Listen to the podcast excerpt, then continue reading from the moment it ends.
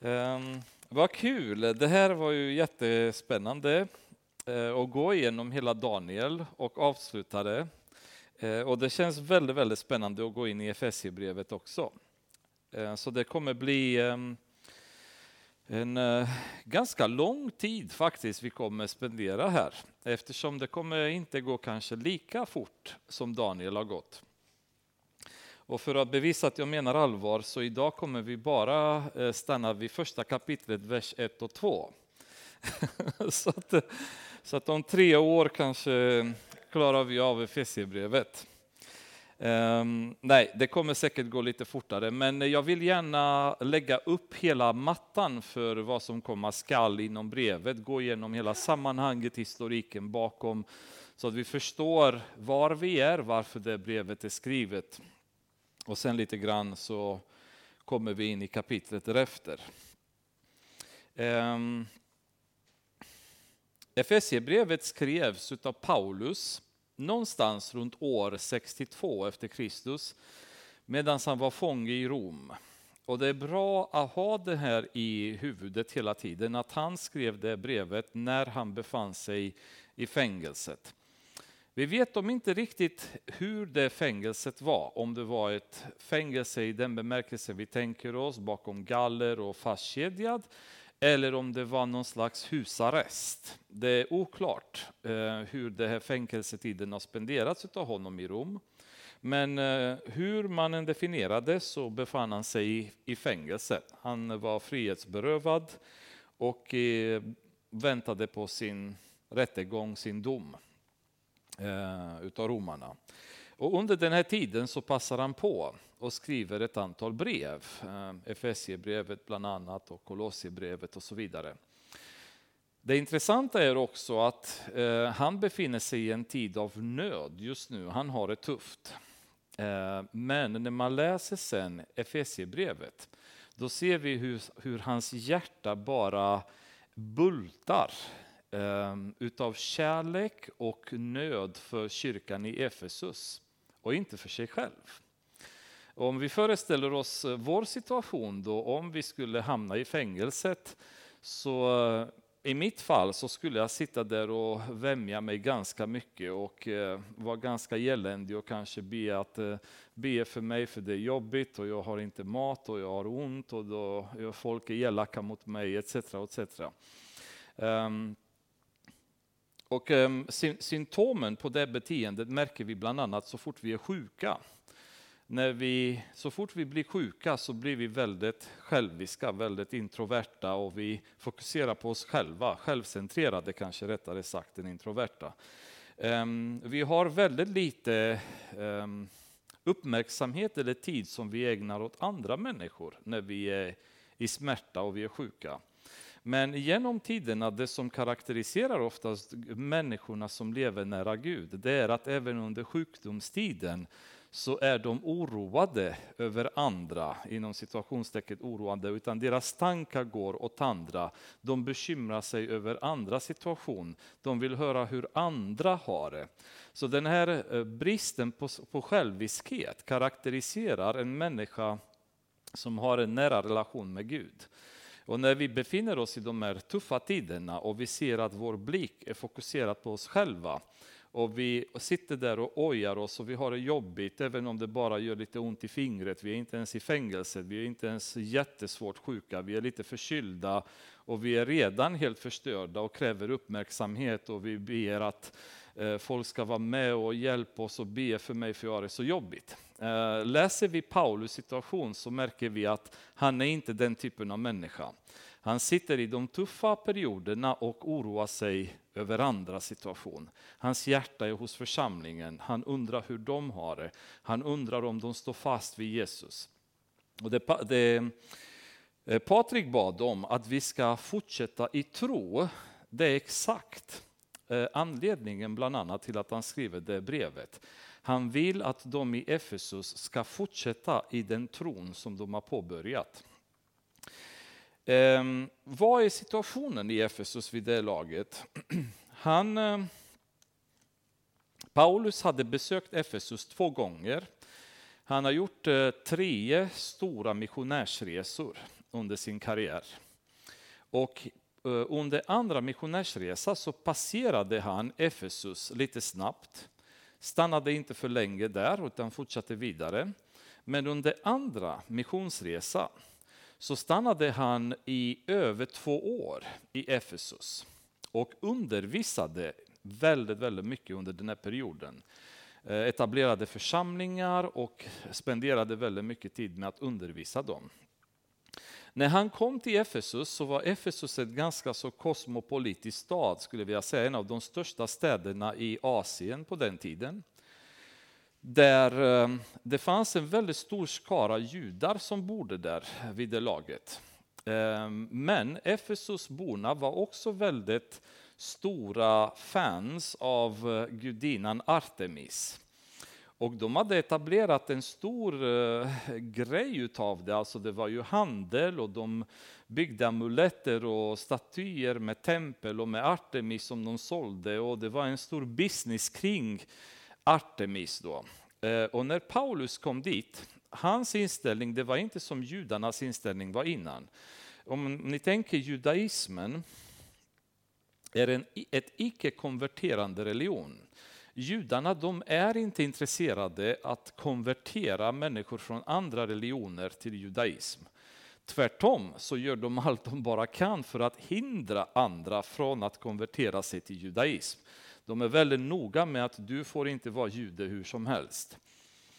Kristendomen däremot är en mycket evangelistisk religion. Alltså hela vårt syfte, hela vårt, vårt mål, hela vår existensberättigande det är att konvertera andra människor till kristendom. Gå ut i hela världen har Jesus befallit oss. Eh, och det är ju det som driver oss fram. Så när kristna kommer i ett sammanhang, eh, kristnas fokus är omedelbart här finns det ofrälsta människor som behöver bli frälsta. De här människorna känner inte Jesus, vi måste börja predika evangeliet. Dessutom så har vi en mycket stark tro att Jesus är den enda vägen, den enda sanningen. Detta gör oss väldigt impopulära när vi befinner oss i sådana kosmopolitiska sammanhang.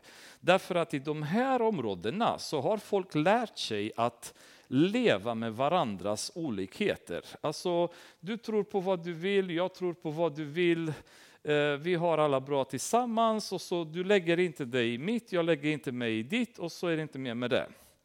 Och när kristna kommer in i Efesus så rubbar de den här balansen som hade etablerats mellan greker, romare och eh, judar som bodde där i staden, där alla skötte sitt.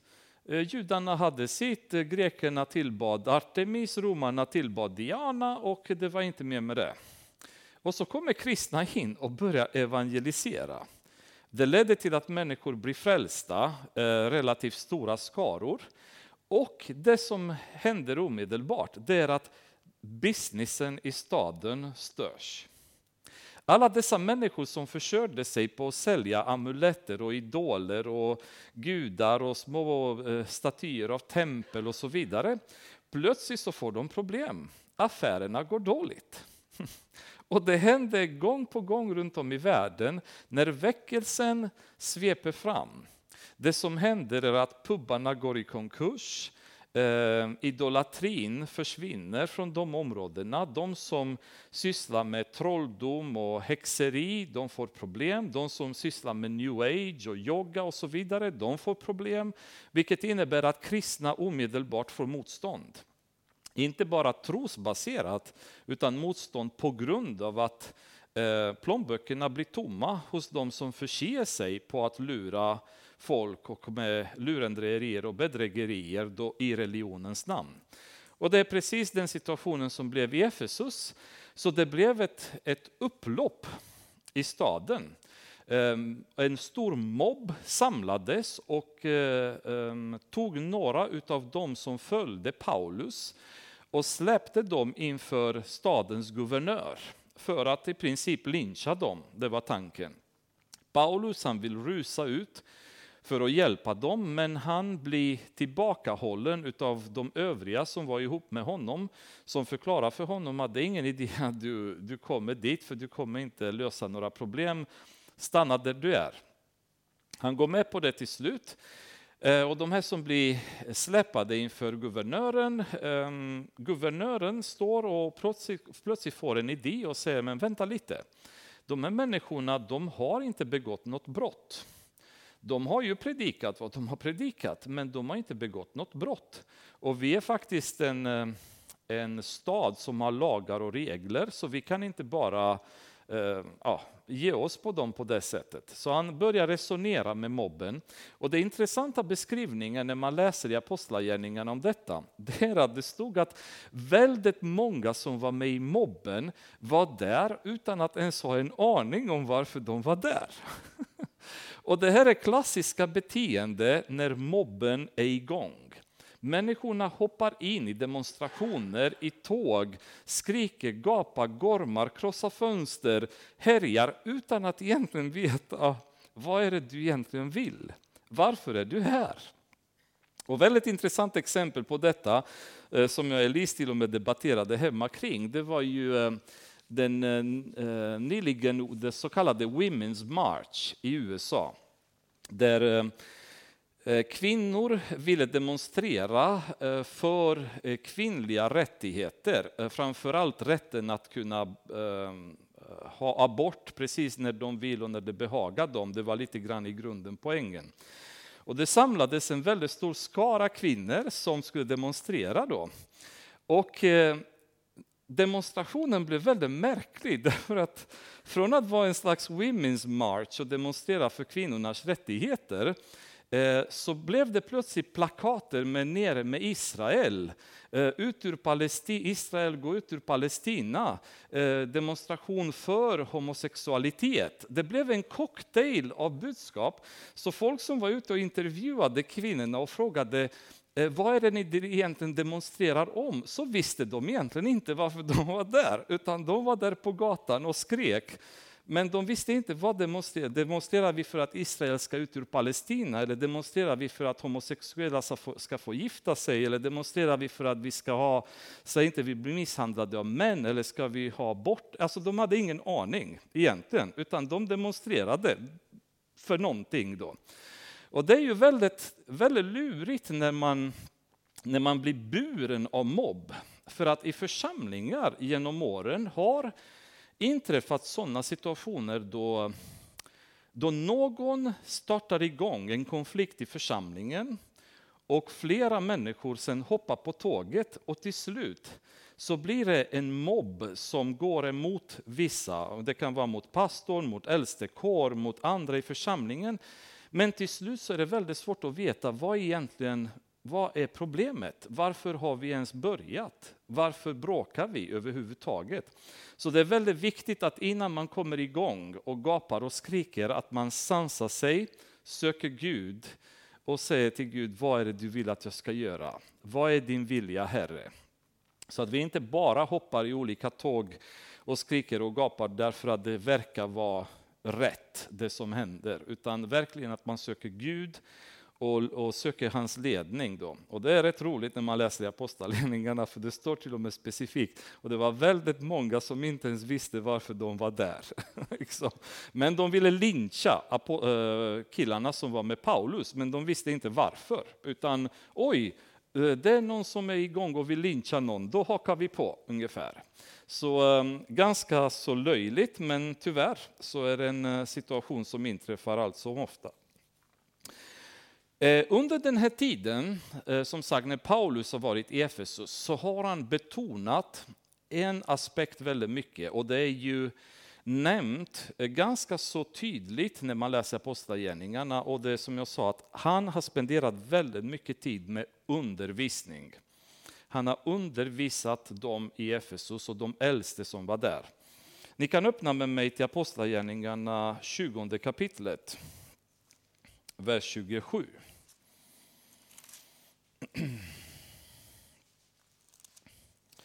2027.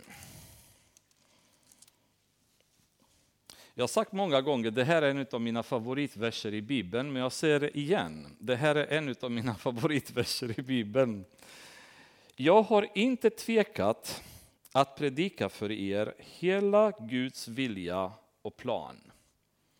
Det här är sammanfattningen eh, av det Paulus har gjort i Efesus. Han sitter nu i det här sammanhanget, sammanhanget pratar med de äldste i Efesus och, och talar om för dem, jag har inte tvekat att predika för er hela Guds vilja och plan.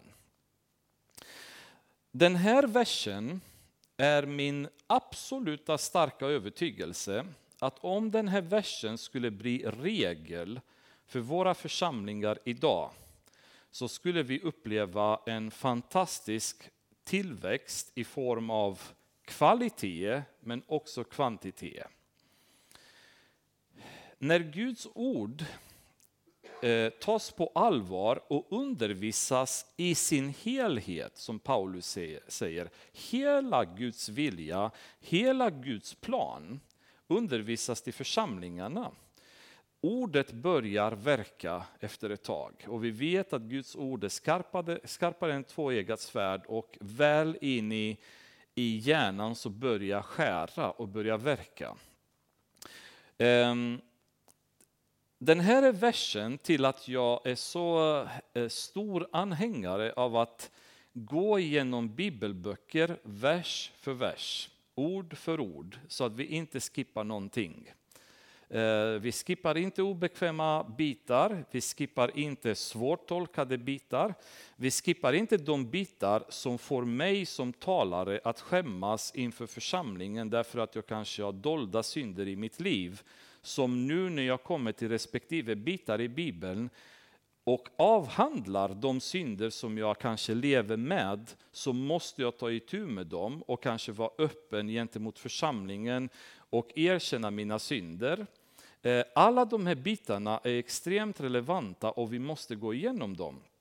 Vi kan inte ignorera Guds ord och bara plocka vissa bitar ur det och ignorera resten av Bibeln därför att det är för obekvämt. Någon kan bli ledsen, någon kan bli kränkt, någon kanske inte fattar, någon kanske tycker det är tråkigt etc.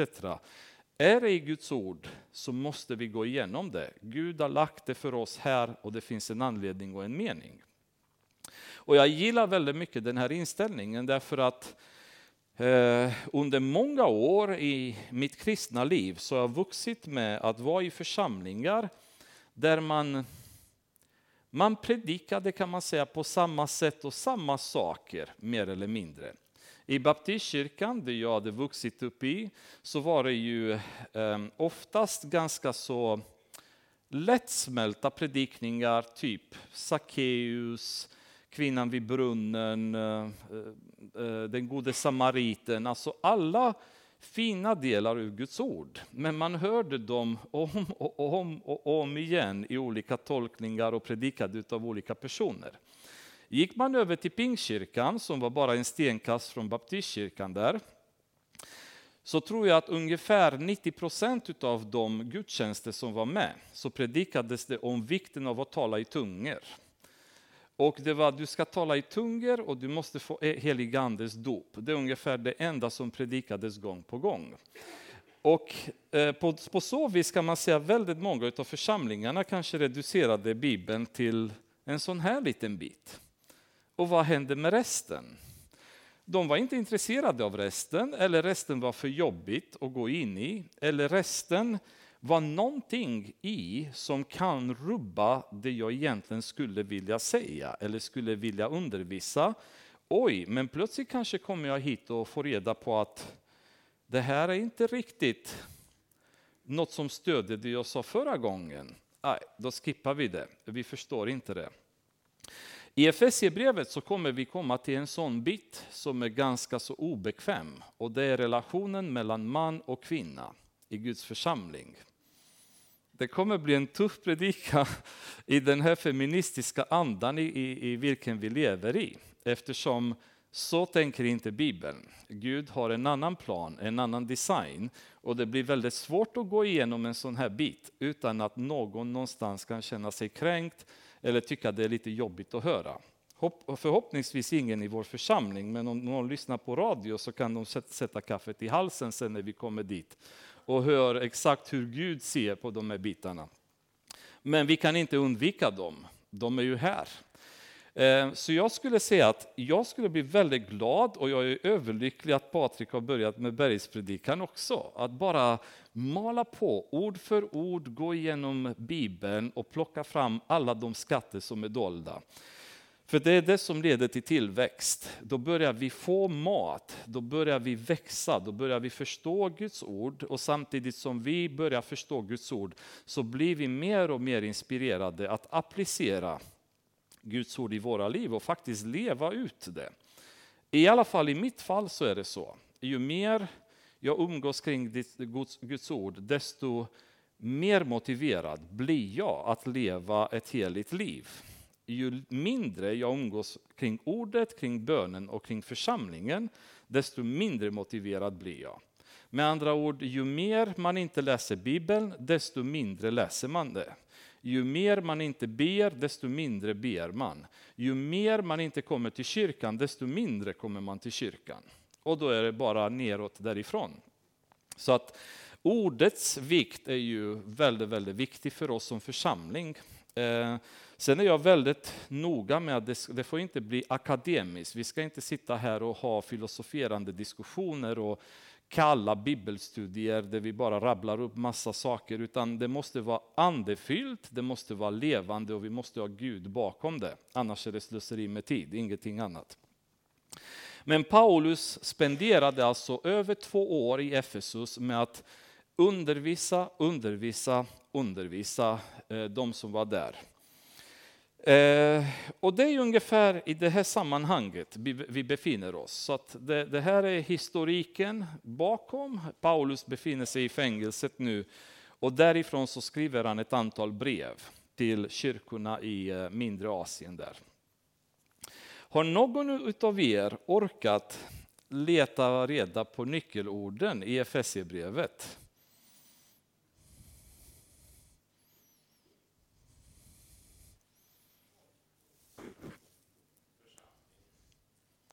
Församlingen. Mm. Huvudnyckelordet och ordet som dyker upp eh, 27 gånger, eh, dock varierar det från översättning till översättning, för ibland är översatt på olika sätt. Men i grunden, i 27 gånger, dyker det upp i, i eh, Efesierbrevet och det är i Kristus i Kristus Jesus, i honom. Det här är ordet som dyker upp gång på gång på gång på gång. Och det är bra att ha det i åtanke, därför att det är hela temat kring vad Paulus vill säga med Efesierbrevet. Ehm, vi är frälsta i Kristus, vi ska leva i Kristus.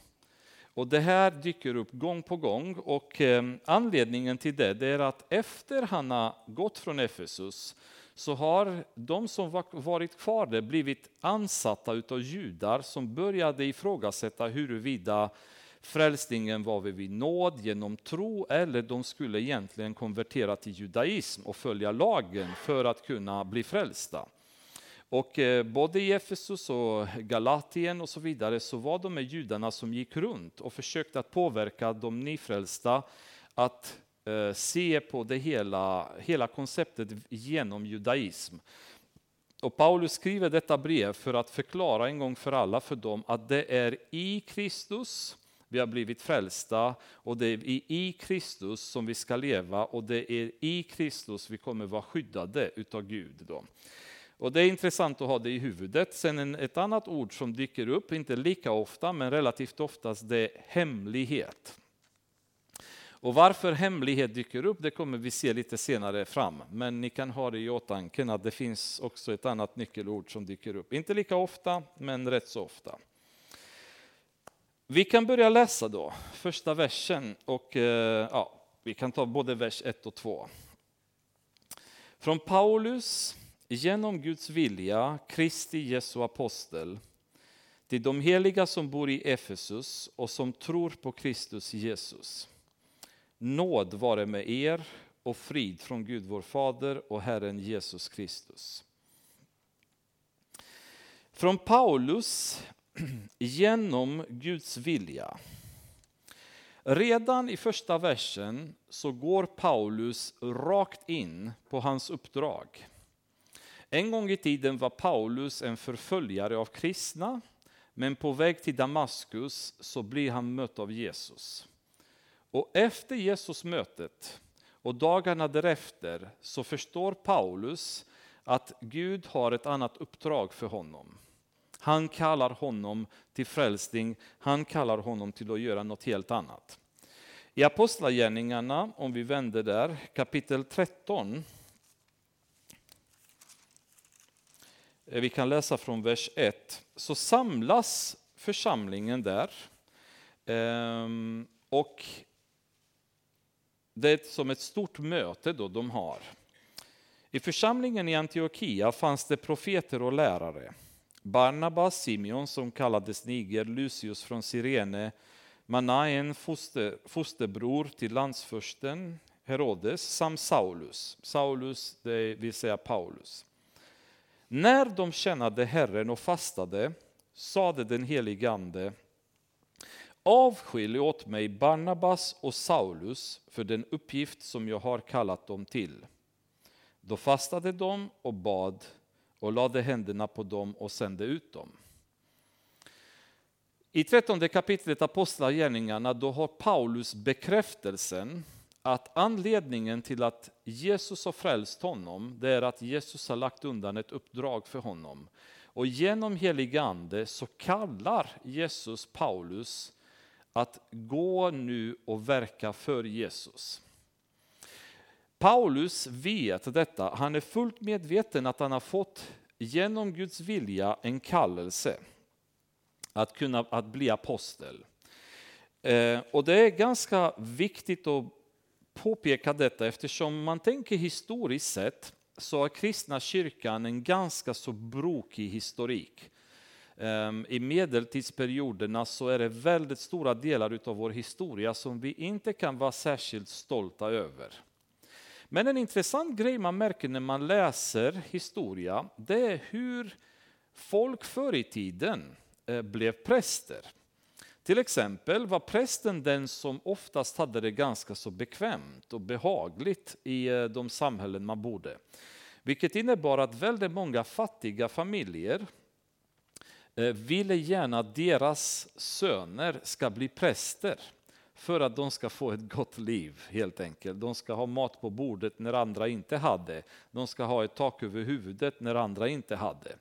Så det var väldigt vanligt att eh, åtminstone någon i familjen försökte man att se om man kunde få dem att bli präster för att kunna veta att åtminstone någon är försörjd. Kyrkan tar hand om dem.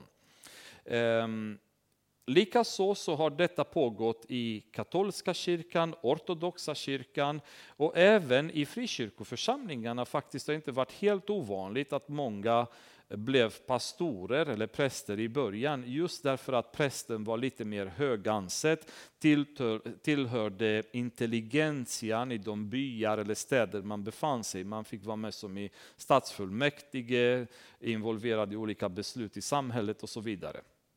Med andra ord, historien är eh, full med fall där människor har blivit pastorer eller präster utan att få en Guds kallelse. Och därav den katastrof som har hänt i väldigt många församlingar. De har letts av människor som aldrig skulle funnits där från början. Deras anledning att bli präster eller pastorer var att berika sig eller leva bekvämt och inte följa den kallelse som Gud hade gett dem. Ehm, I nuvarande församlingar så är det inte helt ovanligt heller att, att människor blir pastorer på grund av att de vill, eh, de vill vara framme. De tycker om att vara framme i församlingarna. De gillar att synas, prata och så vidare. Och därför så söker de sig till det utan att egentligen alltid veta till 100 procent att det är en Guds kallelse bakom den uppgiften.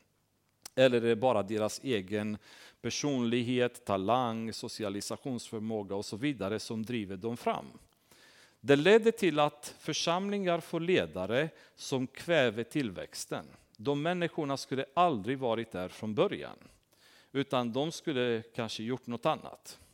Ehm, det finns en del, vilket är ju kanske tråkigare fall, som vill vara ledare, pastorer i församlingen utav ren äregirighet. De tycker om att få Eh, pris utav andra. De gillar att få applåderna, de gillar att synas.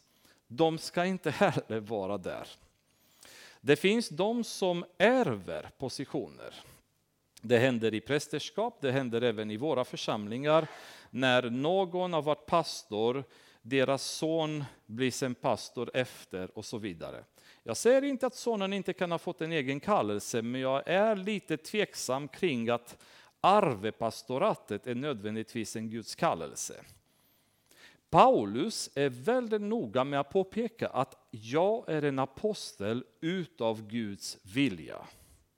Det är ingenting som jag har eftersträvat, det är ingenting som jag har kämpat mig fram till. Det är inte ens någonting som församlingen har haft någon idé kring, utan Gud genom heliga ande har lagt mig undan för att få den här kallelsen. Ni kommer ihåg att eh, lärjungarna efter Jesu död, de kommer på att de saknar en lärjunge, nu är de bara elva. Så vad gör de? De sätter sig ner och drar lott. Det är deras sätt att eh, utnämna en tolfte apostel, eller en tolfte lärjunge. Eh, har ni hört någonting mer om den där lärjungen därefter? Ingenting. Men det finns en annan som Gud hade lagt undan för att bli den tolfte, och det var Paulus. Han kallades genom heliganden, han kallades genom Jesus. Och den kallelsen var på riktigt. Det var inte lottdragning, det var inte omröstningar i församlingen. Det var en kallelse direkt från Gud och från heliganden. Och det är väldigt viktigt för Paulus att göra detta klart. Det faktum att Paulus var medveten om att hans kallelse var på riktigt var det som gav honom grund till hela hans arbete. Eftersom han visste att Gud hade kallat honom och det uppdrag som han fick var från Gud, han skämdes aldrig över Gud. Överallt när man läser om hans aktivitet så ser man hur han står upp och han predikar om Jesus utan att någonsin skämmas över honom. I Timoteusbrevet, eh, andra Timoteusbrevet skriver han så här.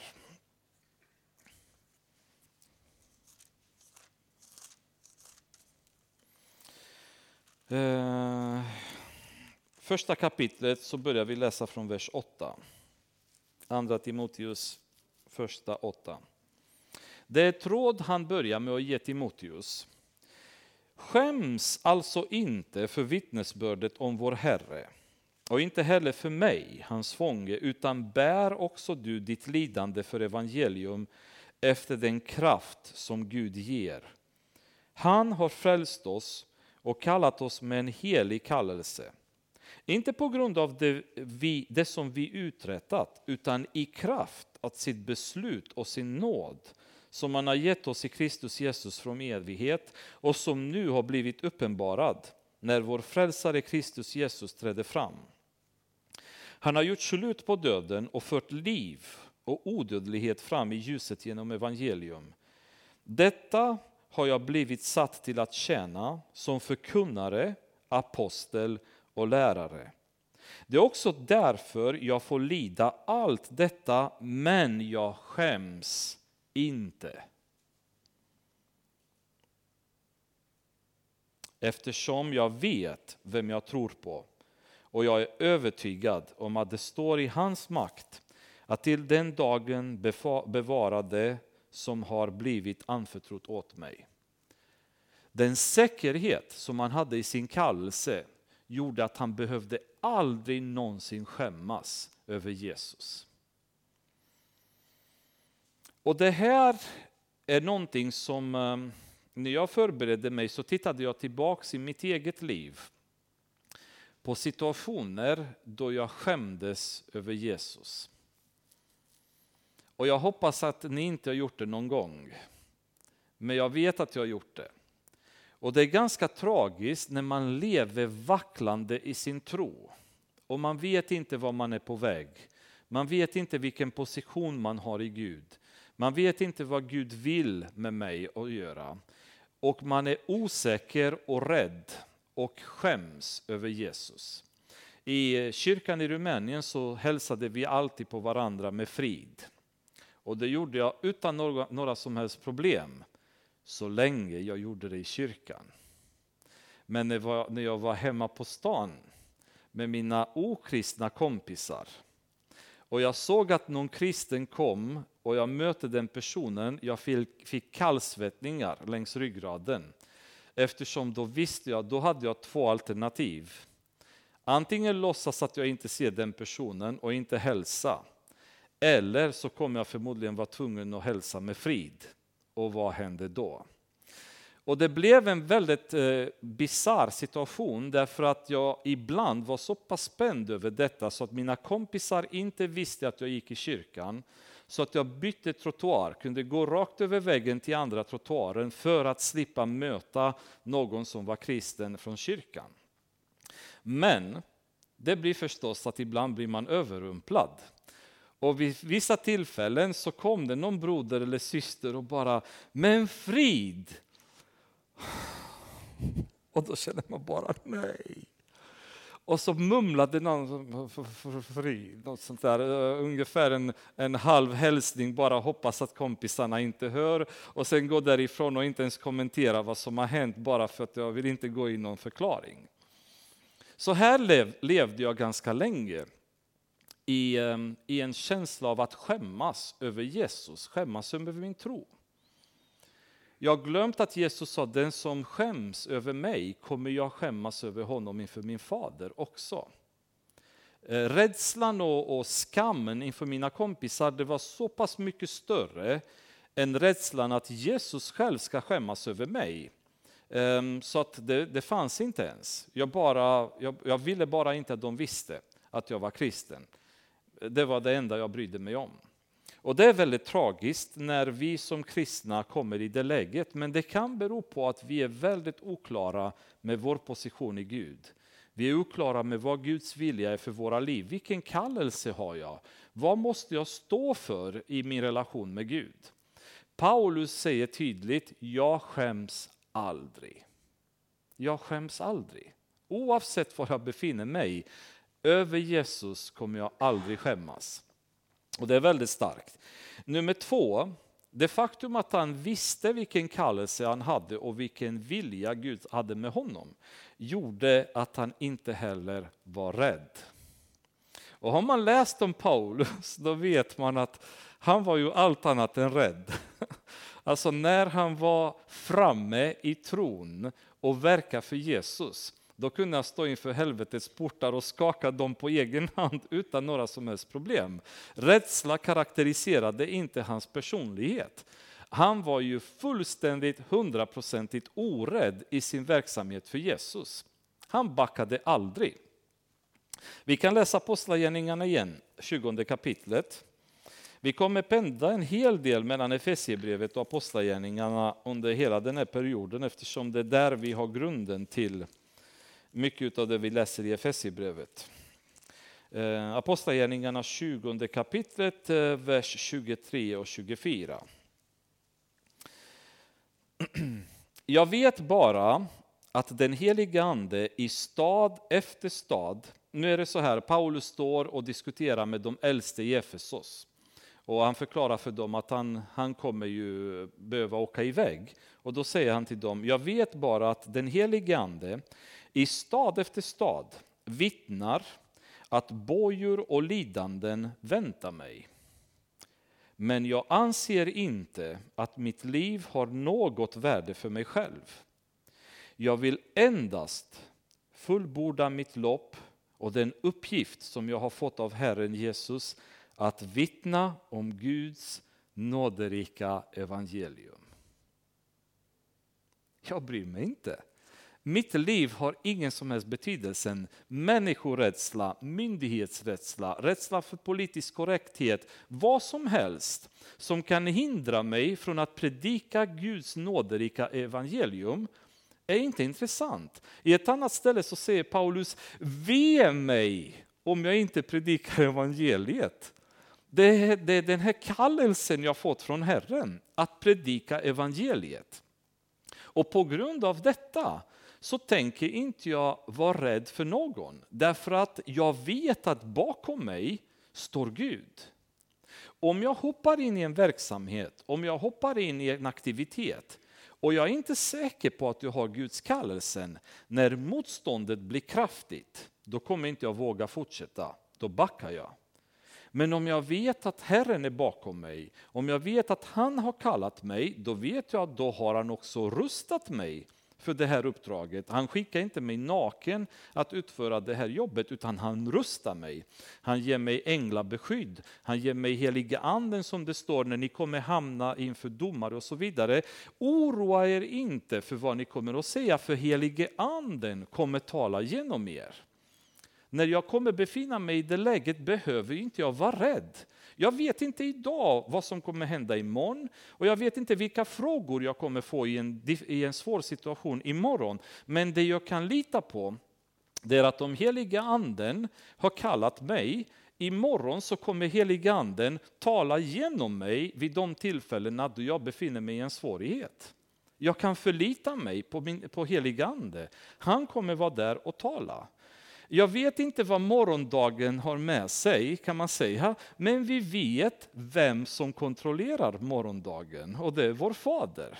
Och han kan hjälpa oss i de svårigheter vi hamnar i imorgon, i övermorgon eller i framtiden. Men vi måste veta att vi befinner oss i hans vilja och vi följer hans vilja, för då har vi hans stöd. Och Paulus ständigt orädda eh, inställning beror det på att han visste vad han hade bakom sig. Han visste vilket stöd han hade med sig hela tiden i de situationer han kom i. Det var därför han satt i fängelset med Silas när det var som tuffast och så satt de och sjöng. De brydde sig inte. Deras liv var inte relevant längre. De levde bara för Herren. De brann bara för Herren och, och rädslan var borta. Och det är ju fantastiskt när man kommer i den situationen då rädslan försvinner. Att kunna leva ett liv utan människofruktan. Kan ni tänka er vad underbart? Att inte vara rädd för människor längre. Vilken befrielse att känna. Men i, i, i helige anden så har vi det livet. Det finns till hands för var och en av oss. Eh, som tredje punkt, det faktum att Paulus visste att han var i Guds vilja gjorde honom ihärdig och outtröttlig. Det här är ett svårt ord. Jag kan säga att jag har tränat hemma på att jag ska säga det, så att Elise inte kommer skratta åt mig. Outtrött, nej, outtröttlig. det här kommer jag få höra. Eh, Apostlagärningarna kan vi hoppa in igen, 14 kapitlet. Det här är en... Eh, det här är ytterligare en, en favoritbit. Nu är Paulus igen på sin, en av hans missionsresor. Eh, vers 19 kanske kan vi börja läsa. Eh, och han är ju på sin första missionsresa. Och då är det så här att han, eh, han befinner sig i Lystra där han predikat evangeliet där. Och vers 19 säger, från Antiochia och Iconium kom det nu några judar. De lyckades få med sig folket och man stenade Paulus och släpade ut honom ur staden i tron att han var död. Men när lärjungarna samlades omkring honom, alltså lyssna på det här. När lärjungarna samlades omkring honom reste han sig och gick in i staden. Nästa dag for Paulus och Barnabas till Derbe. De predikade evangeliet i staden och vann många lärjungar. Sedan återvände de till Lystra och Iconium och Antiochia. Alltså, de släpper ut honom ur staden och de trodde att han var död. Så det är inte så att han fick bara två örfilar, utan de stenade honom och de trodde att han var död. Så jag gissar att det var många ben brutna i den kroppen vid det laget. Och de slänger honom utanför staden och eftersom de tror att han är död. Han reser sig därifrån och det första han gör, han sticker tillbaks in i staden. Och bara kände många gånger, vad skulle jag ha gjort? Bevare mig, vilket ojande, vilket skrik det hade varit. Vilket elände jag hade känt mig att jag upplevt och ropa till församlingen, be för mig för här håller jag på att dö. Och det hade varit ett, ett, ett elände att leva igenom. Och Paulus bara reser sig och känner att det finns fortfarande människor som inte har hört om Jesus i den här staden. Det finns fortfarande människor i Derbe som inte har hört om Jesus. Nästa dag då sticker han till Derbe och börjar predika och människor blir frälsta. Och tror ni, alltså föreställ er hur han såg ut hur han måste ha sett ut när han kom in i staden efter att ha blivit stenad nästan till döds. Han måste ha blivit som en blodig köttbit, hela han. Och, och föreställde den här uppenbarelsen bara rusa in med blodiga kläder och allt in i staden och predika evangeliet om Jesus. Och människor tittar, lyssnar och blir frälsta. Det är helt underbart när man ser det här. Varför? Därför att han visste vad Guds vilja för honom var och han visste att han måste pressa vidare. Han måste fortsätta ihärdigt därför att människor har fortfarande inte hört evangeliet.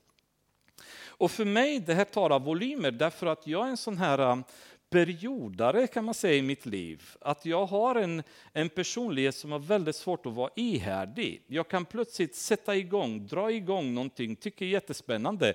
Halvvägs har jag ledsnat och då struntar jag i det. Eh, fråga Carolina om ni inte tror mig. Eh, och för mig, när jag läser sånt här, det här är vad som talar rakt i mitt hjärta.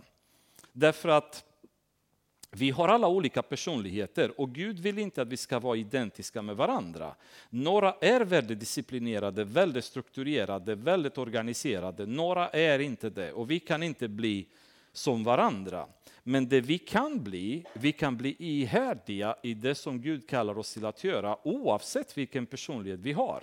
Jag kan inte gå till Gud och säga Gud, eh, min genetik har gjort att jag inte, inte kunnat be så mycket och jag orkar inte läsa Bibeln så ihärdigt och jag orkar inte predika evangeliet så ihärdigt för du vet hur jag är Herre, du har skapat mig. Han vet hur jag är men han vet också att jag måste vara ihärdig i det han har kallat mig till. Och våra kallelser är olika, så jag kan inte vara lika ihärdig som någon annan. Någon har gåvan att be, eftersom Bibeln säger att vissa personer har gåvan att be. De här människorna kanske ber hela tiden. Jag kanske inte är kapabel till det, men jag, kan, jag är ändå kallad att ha ett regelbundet böneliv med Gud. Eh, andra människor är ute på gatorna och predikar evangeliet hela tiden för att de har gåvan att evangelisera, vilket är en gåva som står i Bibeln. Jag kanske kan inte predika evangeliet som de gör, men jag är kallad att predika evangeliet. Jag kanske gör inte som dem, men då får jag göra det på ett annat sätt. Så det finns de här kallelserna som vi har i vårt liv, som vi alla ska göra. Men sen har vi våra individuella kallelser och där är ju den här ihärdigheten också ännu mer relevant. För när vi vet vad Gud kallar oss till, när vi vet att han är bakom oss och vi känner till hans vilja, då måste vi fortsätta att pressa. Och pressa och pressa vidare oavsett vilka svårigheter vi möter på vägen. För när vi befinner oss i församlingen också, vi har en tjänst. Vi leder lovsång, vi predikar eller vi är med i eh, bönegrupp, söndagsskola, vad som helst. Alla någon gång framöver kommer känna att ah, det här börjar bli jobbigt. Och då, då, är det, då, då vill man ge upp. Jag skulle vilja göra något annat, eller jag vill backa och någon annan får ta det och så vidare. Men då är det frågan, är jag i Guds vilja eller är inte? För om jag vet att jag är i Guds vilja, då får jag inte ge upp. Då ska jag fortsätta och kämpa vidare, fast det är jobbigt, fast det är lite torrt, fast det är lite motigt den här gången. Ehm, så att det är väldigt viktigt att vi identifierar vad Guds vilja är för oss, så att vi vet exakt var vi är på väg. Och för Paulus var det självklart. Den här, det här medvetandet av Guds vilja bakom hans uppdrag gjorde att Paulus blev den mest framgångsrika missionären som finns i Nya Testamentet. Han eh, avverkade över 2000 mil med båt, med fot, eh, vilka transportmedel ni vill. Men sammanlagt cirka 2000 mil avverkade han på tre missionsresor plus fångenskapsresan till Rom då, som han åkte på. Han har besökt över 50 olika städer. Han har skrivit 13 olika brev som vi känner till i Bibeln. Och så vet vi att han har skrivit fler, för bland annat så skriver han på ett ställe att han har skickat ett brev till Laodikea. Det finns inte i Bibeln, men uppenbarligen så har han skrivit fler. Men det är de som finns i Bibeln. Han har blivit misshandlad flera gånger. Han har blivit fånge flera gånger. Eh, trots detta så har han aldrig någonsin klagat. Utan i alla sammanhang har han fortsatt glatt och entusiastisk att fortsätta i sin kallelse. Och det är ju grunden. Ska man orka så måste man veta varför man gör det man gör. Så om man är sugen på att kasta sig in i att eh, göra någonting för Gud så skadar det inte att ta god tid, be till Gud och söka honom så att man vet att han är bakom det man kommer göra. När vi som församling eh, kastar oss i ett projekt och vi hade nu diskussioner om, ska vi renovera, ska vi bygga en ny kyrka, ska vi göra något annat? Eh, I grunden skulle jag säga, om Gud leder så förser han. Så om vi kastar oss in i ett projekt, om vi som församling eh, sitter och ber och vi känner att Gud leder oss fram i det beslutet och så sitter vi där och säger mm, men vi har inte pengar, eh, vi har för lite folk, eh, ska vi verkligen? Om Gud är bakom, då förser han. Så vårt mål är att när vi förstår Guds vilja i våra liv, då är det bara ånga på. Då kan vi inte sitta och avvakta, jag behöver pengar, jag behöver det, jag måste fixa. Nej, har Gud sagt att du ska gå, gå. Allt annat kommer han lösa sen längs vägen. Och det är ju ibland så ser vi hela vägen framöppnad, ibland ser vi bara bitvis var Gud vill att vi ska gå.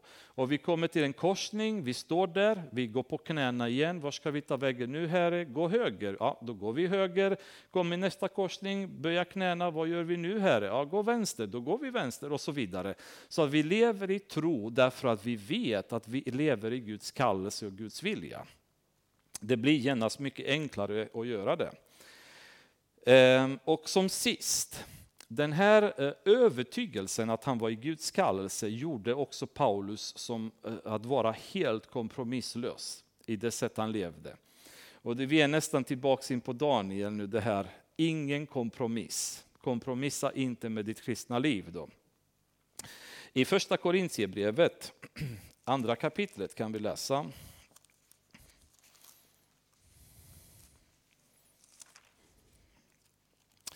Eh, vers 2. Jag hade nämligen bestämt mig för när jag var hos er att inte veta av något annat än Jesus Kristus och honom korsfäst.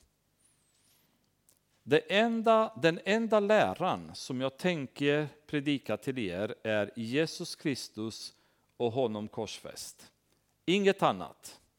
Inga kompromisser, inga avvikelser från Guds ord, utan det är bara det som jag kommer predika för er. Eh, tittar vi vidare i Galatiebrevet, eh, andra kapitlet, då blir det litet fall, eller några fall där tyvärr så var det inte på samma sätt andra resonerade. Vi läser från vers 1, andra kapitel, vers 1. 14 år senare for jag åter upp till Jerusalem, nu tillsammans med Barnabas. Också Titus tog jag med mig. Jag for dit på grund av en uppenbarelse och lade fram enskilt för de ansedda det evangelium jag predikar bland hedningarna.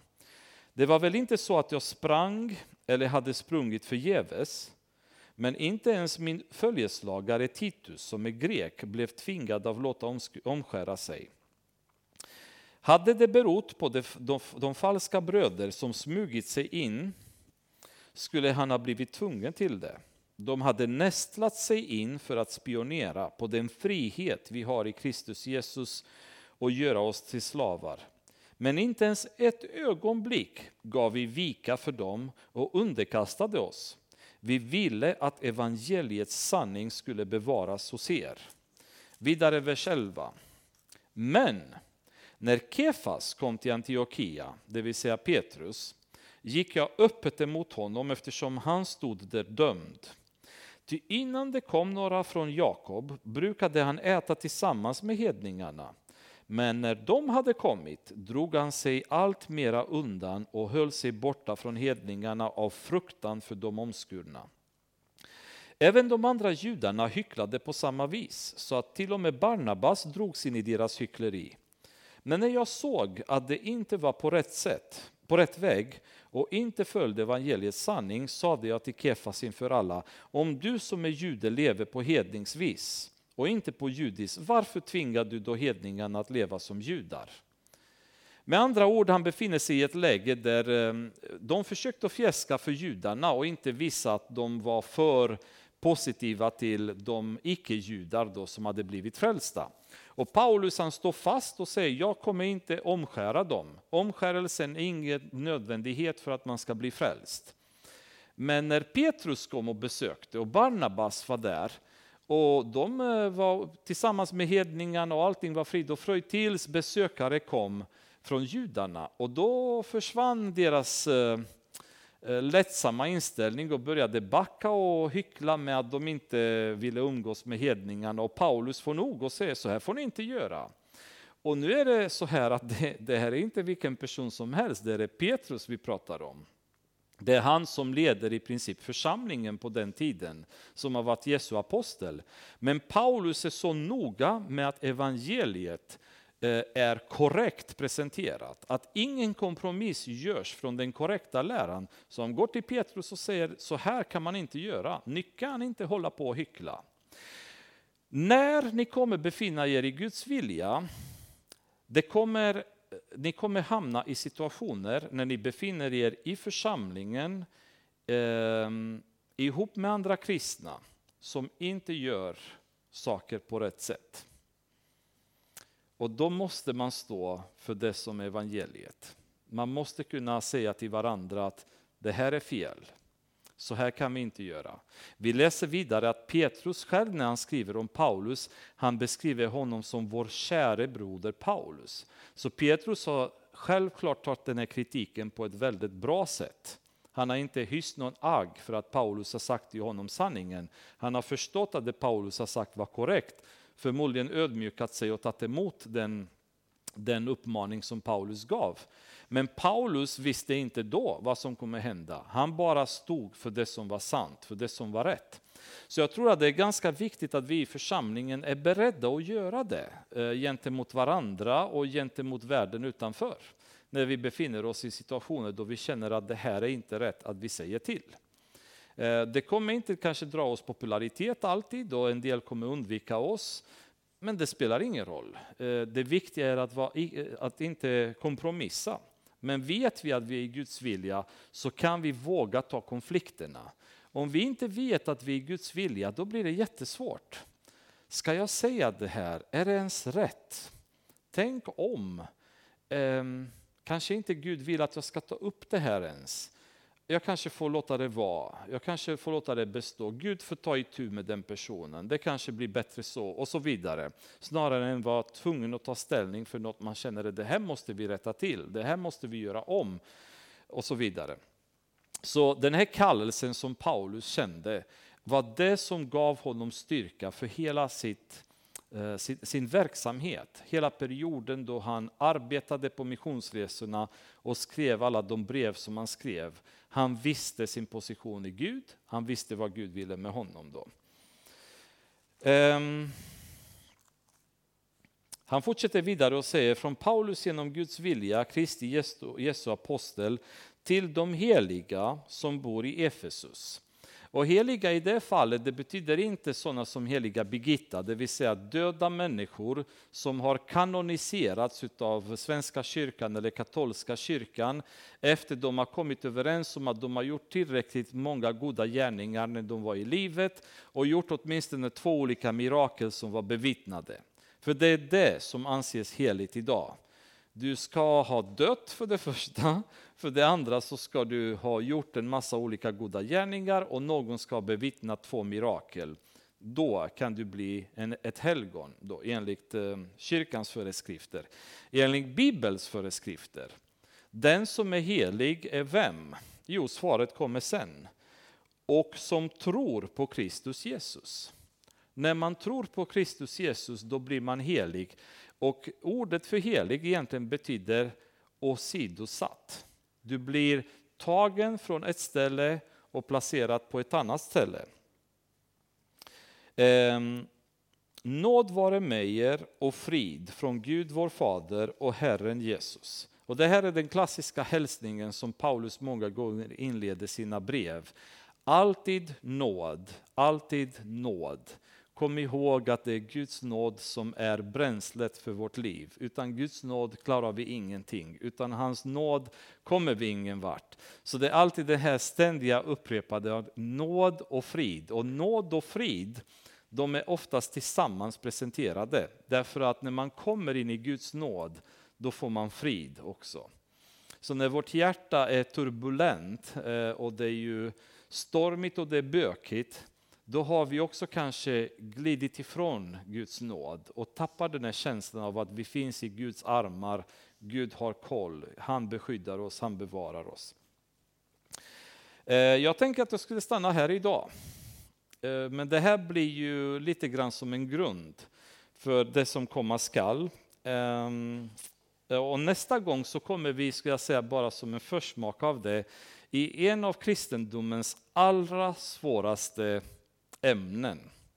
Um, huruvida människan har en fri vilja för att bli frälst eller har Gud förutbestämt oss att bli frälsta innan jordens skapelse? Det här har splittrat kristendomen genom åren väldigt mycket och jag kan förvarna er att det blir en lite tuff predika att gå igenom eh, och få det begripligt framför allt. Eftersom eh, det är inte ett begripligt ämne kan jag säga. Men det blir väldigt intressant för den diskussionen finns och folk ofta ställer sig frågan. Har Gud bestämt att jag ska bli frälst eller har han inte? Är det min egen fri vilja? Ehm, och det kommer vi komma in nästa gång. Herre, vi tackar dig för ditt ord och vi ber återigen om din eh, välsignelse. Så att det här ordet kan vara kvar i våra hjärtan, kan ge resultat, kan ge Ehm, en frukt, Herre, som ska bara sprida sig runt. Så att flera kan smaka, flera ska känna att det smakar gott också. Jag ber Herre att du ska eh, göra de här sanningarna levande för oss. Så det inte bara blir en teori i vår hjärna utan att det går vidare till vårt hjärta och det blir en del av vårt liv, Herre. Det präglar vårt sätt att bete oss, att tänka, Eh, Eh, att be, att möta andra människor, Herre. Jag tackar dig, Herre, för att du är universums Herre. Jag tackar dig för din nåd. Jag tackar dig för din frid som övergår all förstånd, Herre. Tack för att du älskar oss, att du bryr dig om oss. Och vi överlämnar oss i dina händer eh, och ber om din välsignelse över de som har varit här ikväll, Herre. I Jesu namn. Amen.